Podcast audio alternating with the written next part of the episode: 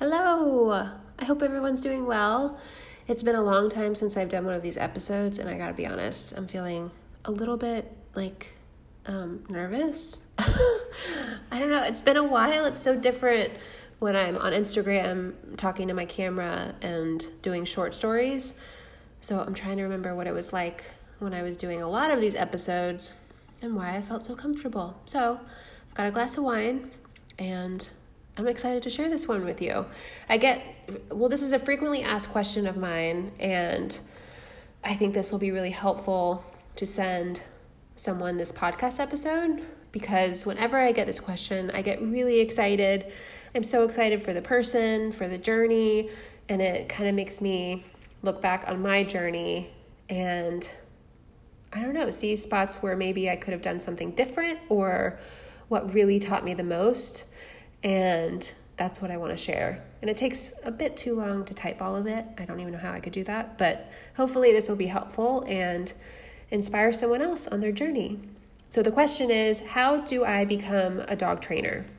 And disclaimer my process or my um, journey might be different from someone else's, and that's okay. I'm just going to share what has worked for me, and you can kind of tweak it or do whatever works for you. That's the beauty about this job, at least for me. It gave me kind of creative freedom to do things differently. Okay, so let's get into it. How to become a dog trainer. My first piece of advice is to get clear about why you want to do it. Oh, this job, especially if you're doing it like I am, where I'm doing like a board and train thing out of our house. I work by myself. Um, I mean, I'll go and get coffee with friends sometimes or things like that, but it's just me. It's me and the dogs. And there's a lot of moments where I can second guess what I'm doing or listen to that voice in my head that says, I'm not enough or I'm not doing enough. And on- honestly, this happens a lot when you're like, you know, looking on Instagram and scrolling and following a bunch of dog trainers and comparing your progress to theirs or oh, I've done all of it. And one little thing that I would recommend is when you first start out, only follow people that inspire you or make you want to be better. Do not follow anyone who makes you feel less than who you are or like you should be anything other than who you are. Um, I had to do that even with some people I really liked, you know, friends of mine. I had to stop following them for a bit just when I was in that phase of trying to figure out how my journey was going to look. Um, this was all very new for me, much like it is for you. And I didn't want to have, I didn't want that to throw me off. There's something I heard um, Oprah say one time. And if y'all know me, you know I'm going to quote Oprah every now and then. Um, but she said, don't look back when you're in the race because looking back at your other opponents takes away from what you're doing. And it, that's not the exact quote, but it was something like that. Like, focus on yourself and keep your eyes forward.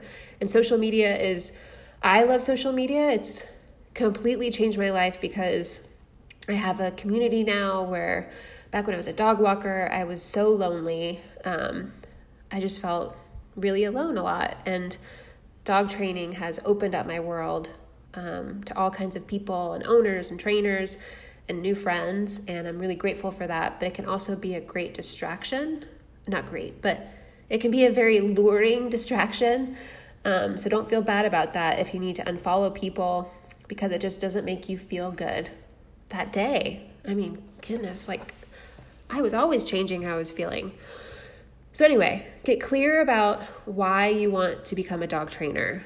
Because when those moments come up, when you start to second guess yourself, when you are by yourself, no one else is around you to tell you you're doing a good job, you need to remember your why. And this is always really great for me when I'm feeling um, not even just burnt out, but second guessing myself that I'm not good enough. Um, and then I remember my why, and it's kind of like taking some espresso it's just the jolt that I need in that moment. And for me, my why is oh, this is so cliche. And this is what everyone says because it is really powerful. It's a really great motivator, is helping owners and their dogs. But for me, it's become something even bigger where I want owners to feel different about their relationship with their dog.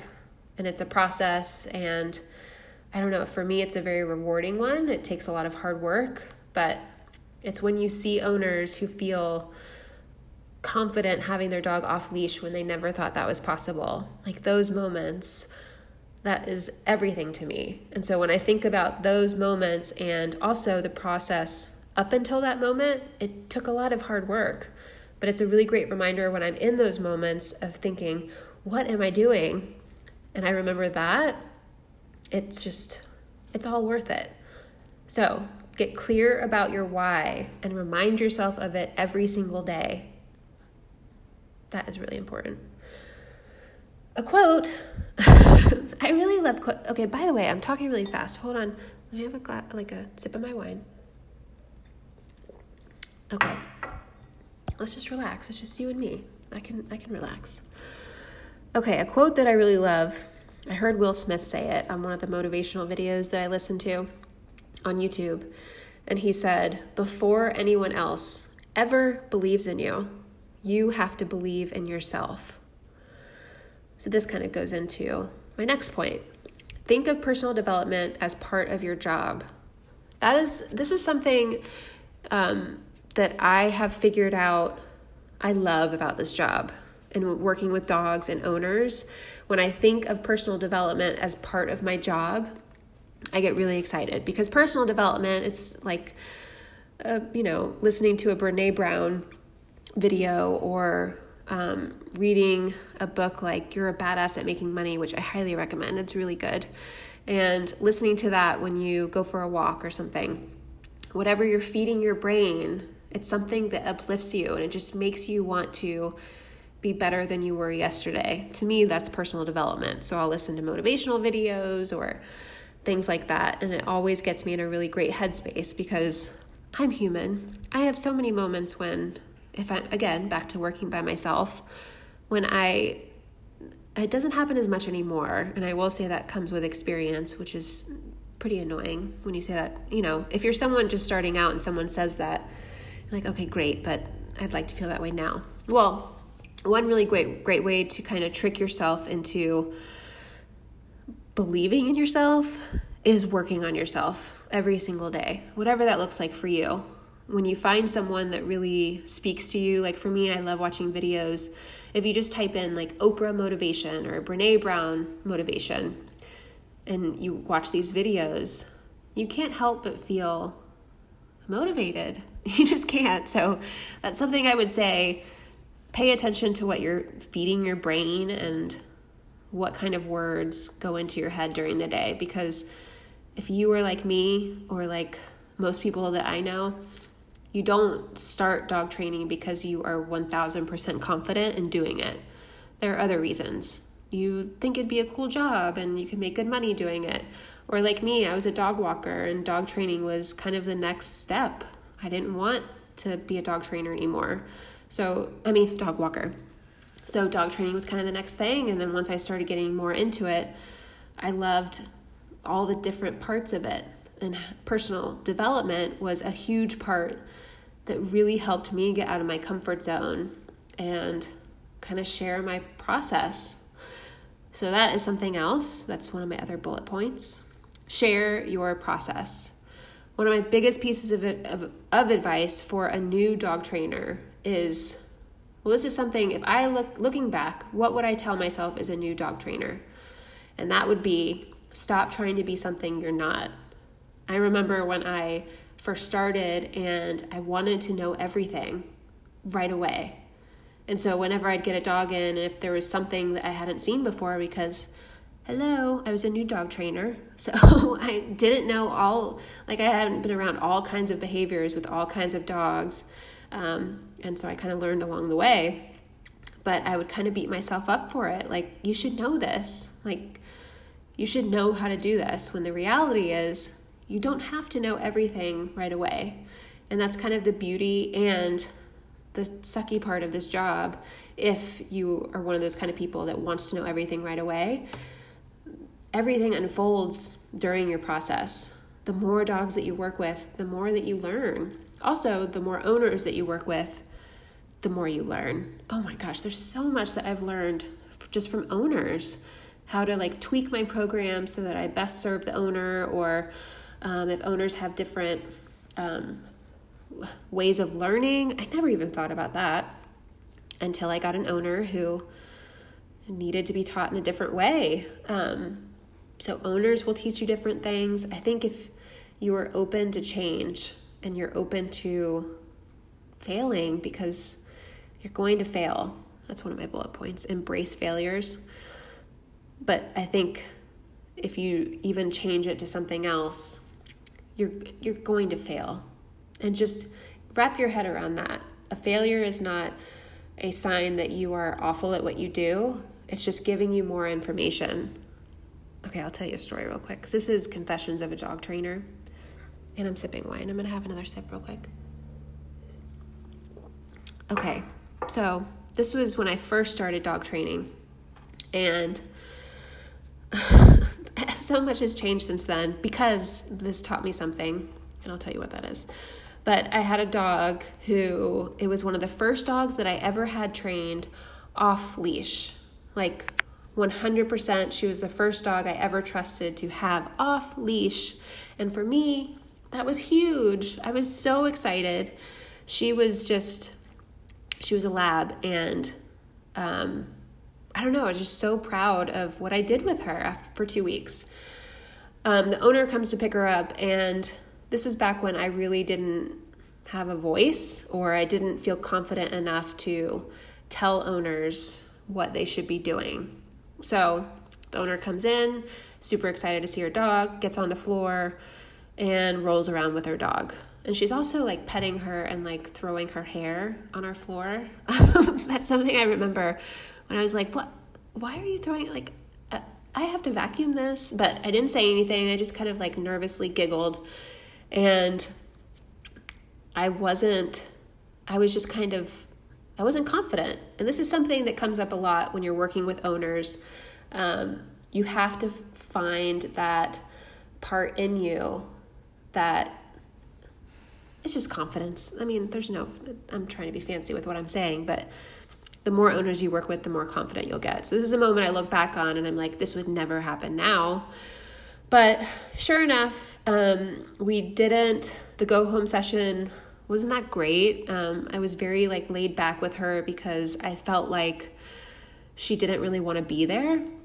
And I really picked up on that energy and it affected me. It affected my confidence. And the last thing I wanted to do was keep her there longer than she wanted to be. So she goes home, and a couple days later, I get a call, and she's she's pissed. She's really mad at me and upset about something that wouldn't have happened if they did something. You know, this is very common if they would have listened to what I said. But anyway, why should she listen to me when I wasn't being very clear. I was probably super wishy washy. So she was my first super upset client. I've had two, but she was my first. So um, I called my friend who referred her and I started crying because I immediately thought my friend is going to be so upset with me. She referred this person, she like entrusted me, so I called her crying. and she was like, talking me down. She was like, "It's okay. Like I it's you know, whatever good friends say." So, that is something that I could have looked at and stopped training. And just been like, "I'm not made out for this. This isn't for me. I failed with her, so I'm going to fail with everyone."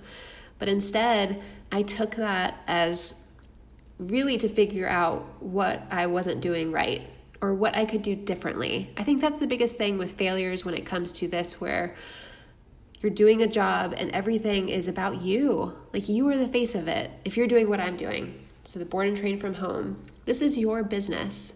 So, if a dog goes home and the owner struggles, that's on you. Like the dog's not doing what the owner's struggling and calling me upset, that is my fault and I have to take ownership of that. It doesn't mean that I'm an awful person. And this is something I've learned, um, especially whenever I talk to my dad, who gives me the best business advice. And anyone who has heard Joe Mangaskell talk, um, he's just the best. He knows about business and gives the best advice. So, anyway, so I remember one time when he told me about my second owner who wasn't very happy. Um, and I was writing up an email and asking for his vi- advice, and he said, Bethany, this is a business. You're making it too personal. Don't look at it like she's upset with you, she's upset with the product. And it's kind of simplifying it, but really, that's what this is. And I'm a very personal person. I like making connections. I have always been the type of person where if someone's mad at me, it like destroys me. and I just can't stop thinking about it. But this job has really taught me that failures are not a bad thing. And even though it's uncomfortable when it happens, looking back, they're the best things that could have ever happened to me. And that's one thing my dad told me. He um, we were doing that email and he said, You're gonna look back and this is gonna be the best thing that's ever happened to you. And I was like, Oh my gosh, whatever. No, I didn't say whatever, but he was right. The best thing that ever happened to me. So I think you need to be ready if you want to become a dog trainer. Be ready for everyone not to love you and everything that you do. That's just part of the job. But it's just another way to get more information and change your program or tweak it or figure out what you need to do to best serve the next owner. So, embrace failures. Okay, I already said share your process, but I don't think I talked enough about this. What I found when I first started dog training was people loved hearing the real side of what I was doing. And I wasn't that comfortable sharing videos or information, things like that. But what I found was the more that I shared about the dogs that I was working with, it's those I drew more people to me, owners especially, who liked that I was new there's something about being new and if you're really excited and if you can just get out of your comfort zone to share what you're doing and talk to the camera because people want to see your face. Okay, I'm going to go off on a tangent. Well, not really, but this isn't one of my bullet points. People need to build trust with you. And we are living in a time when you can do that uh, pretty quick. Instagram is my way. I love sharing stuff on Instagram, um, stories, things like that. It is a great way to build trust with owners so that they feel comfortable enough to drive to you and drop off their dog for two weeks. I mean, still, when owners do this, it's it doesn't blow my mind, but I'm just I have to remind myself, holy shit, like you should be so happy. Like this is crazy. Like who knew back when I was a dog walker? I just didn't even know this was a thing. Anyway, I just cussed. I apologize. But I think the point is get out of your comfort zone, share who you are. And it might look different than it did for me. Um, I was like overly vulnerable about a lot of things with just sharing my story or past stories because I wanted to. Um, I wanted to be more than a dog trainer. Um, so I just shared more about myself. And in turn, I built trust with people before they ever met me, which is super cool. And you can use social media now to do that. So if you're one of those people who is nervous and doesn't want to put their face on camera, I hear, I, I get it. If you go back and watch some of my initial videos, I probably didn't seem that comfortable. But the more that you do it, like anything, the more comfortable you get. And it is a great way to share what you're doing because you never know who is watching. I mean, I'm still blown away sometimes when someone reaches out to me and says they've been watching me for like a year and they finally made the decision to send their dog. Usually because their dog did something bad and they're like, okay, we're going to send him now. But you just never know who's watching. So share your process, share that you are new. That is okay. I think it's, I don't know, it's your truth. And people want to know who you are if you are going to work with their dog.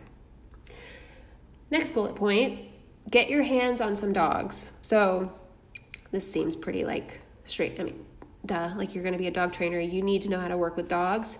Um, but I would say ways to go about this is one, you can volunteer at your local shelter. And this is just to get around different personalities, different kinds of dogs. Um, when I've done it, especially in the beginning, my goal was I was scared of dog fights. And so someone told me, you should go volunteer at the shelter if you want to be a trainer so you can see dog fights if they happen and get comfortable with it. And I wasn't around any dog fights, but I was around dogs who were super aroused and super like just all over the place. And so it was a great learning experience for me, just getting around dogs that maybe made me a little nervous. Um, I don't know. I just, it was good. It was good to get around all different kinds of dogs.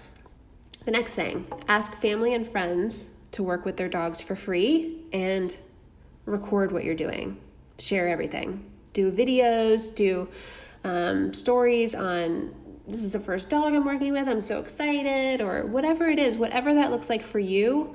I cannot emphasize enough. Figure out, you have to know who you are.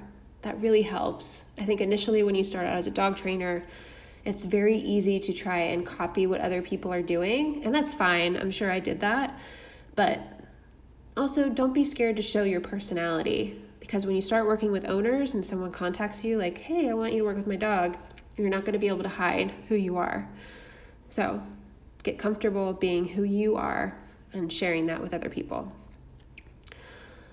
Also, what well here's what i did i the first dog i worked with i didn't charge anything and the second dog i think was $700 um, and they were from the same house and then the next dog i think was about 1200 and i did that for a while until i felt comfortable enough to charge more but i mean i would say if you don't want to charge anything for the first five dogs until you feel comfortable that's totally fine the biggest point of this is to get your hands on dogs because we, also if you go into it not thinking that you're going to like completely change a dog, but experience. Think of it in a selfish way. You want experience with dogs and try different things. Try working with a prong collar with a dog or um, introducing the e collar. And also, it will be a really great um, experience for you to talk to owners and honestly, for me, it's much harder when it's people I know than people I don't know. Um, that might just be me, but get your hands on dogs, whatever that looks like. Ask your your neighbor. Um, but the biggest thing also is to take video of what you're doing and share it because you never know. How many times am I going to say this? You never know who is watching. And even if you think no one is watching, that's not true someone is watching and every single time that you share something of you working with your dog, that's another moment where they think, oh, Bethany and dogs. So the next time that they think of dogs, they think of you. It's just, you know, the more you share stuff, the more people think of that. Well, that's the goal, at least, I think. What else did I do? Oh, okay. This is the last one because I don't know. I think I've covered a lot of things. The last one is unfollow people or trainers who make you feel inadequate. Okay, I cannot stress this enough. In the beginning, well, this is how I was. I also have some friends who don't feel inadequate at all when they follow other trainers. Where for me, when I was first starting, my confidence was not high. I mean, it was probably low. I didn't really believe in myself that much. I was just really excited to try something new and do something different than dog walking. Um, because I did like dog walking, but I didn't get time off. Um, you always have to be available, blah, blah, blah. So I was really excited about this new adventure and just trying something new. So I was driven by the newness of it all. And then once I started meeting more dog trainers and started following them, I found myself in my downtime scrolling and watching other dog trainer videos and comparing myself to them, which led to a lot of self doubt so what I ended up doing was unfollowing a lot of dog trainers and only following people that lifted me up, inspired me. Um, like today, I only really follow dog trainer friends of mine because I'm rooting for them. I love what they're doing and um, I'm excited for them. And also, I feel more confident. I don't need to be like other dog trainers. I've always said that about myself that I wanted to do things differently. And I feel like I did. And the more that I did it, the more comfortable I got. So confidence comes with time. But in the meantime, don't follow people that make you feel bad about yourself. It just doesn't help unless you have like some crazy great impulse control or you can, you know, pump yourself back up or if stuff like that motivates you. I just I wouldn't recommend it and it's something that you can control. Like now, I mostly follow friend dog trainers, my friends, workout stuff, and food recipe people. those are my things. So, there you go. I hope this is helpful. I could keep talking and talking, but maybe I'll do another one um, if I think of anything new. But these are some really great starting points, and I hope it kind of gave you, I don't know, like a idea of what it's like to be a dog trainer. It's not always sunshine and rainbows, um, but it's for me, it's worth it. And I don't know. I think remembering your why is a big one, and embracing failures. Okay, let's go over the bullet points real quick, and then I'll get out of here. Get clear about why you want to do it. That is so important. Share your process and admit that you're new. There's no shame in that. It's even weirder if you pretend that you like are know-it-all and you know everything when you just started cuz no one no one likes that. I mean, I don't know. Embrace failures. There's something I heard of fail forward. Um, I just love that because I don't know, you have to embrace failures. It's part of the job, it's part of doing anything new and really caring about it. So, embrace failures. Get your hands on some dogs, whatever that looks like for you, because experience comes from working with dogs. You can't get around it. So, ask friends, family for dogs, whatever you got to do. Think of personal development as part of your job.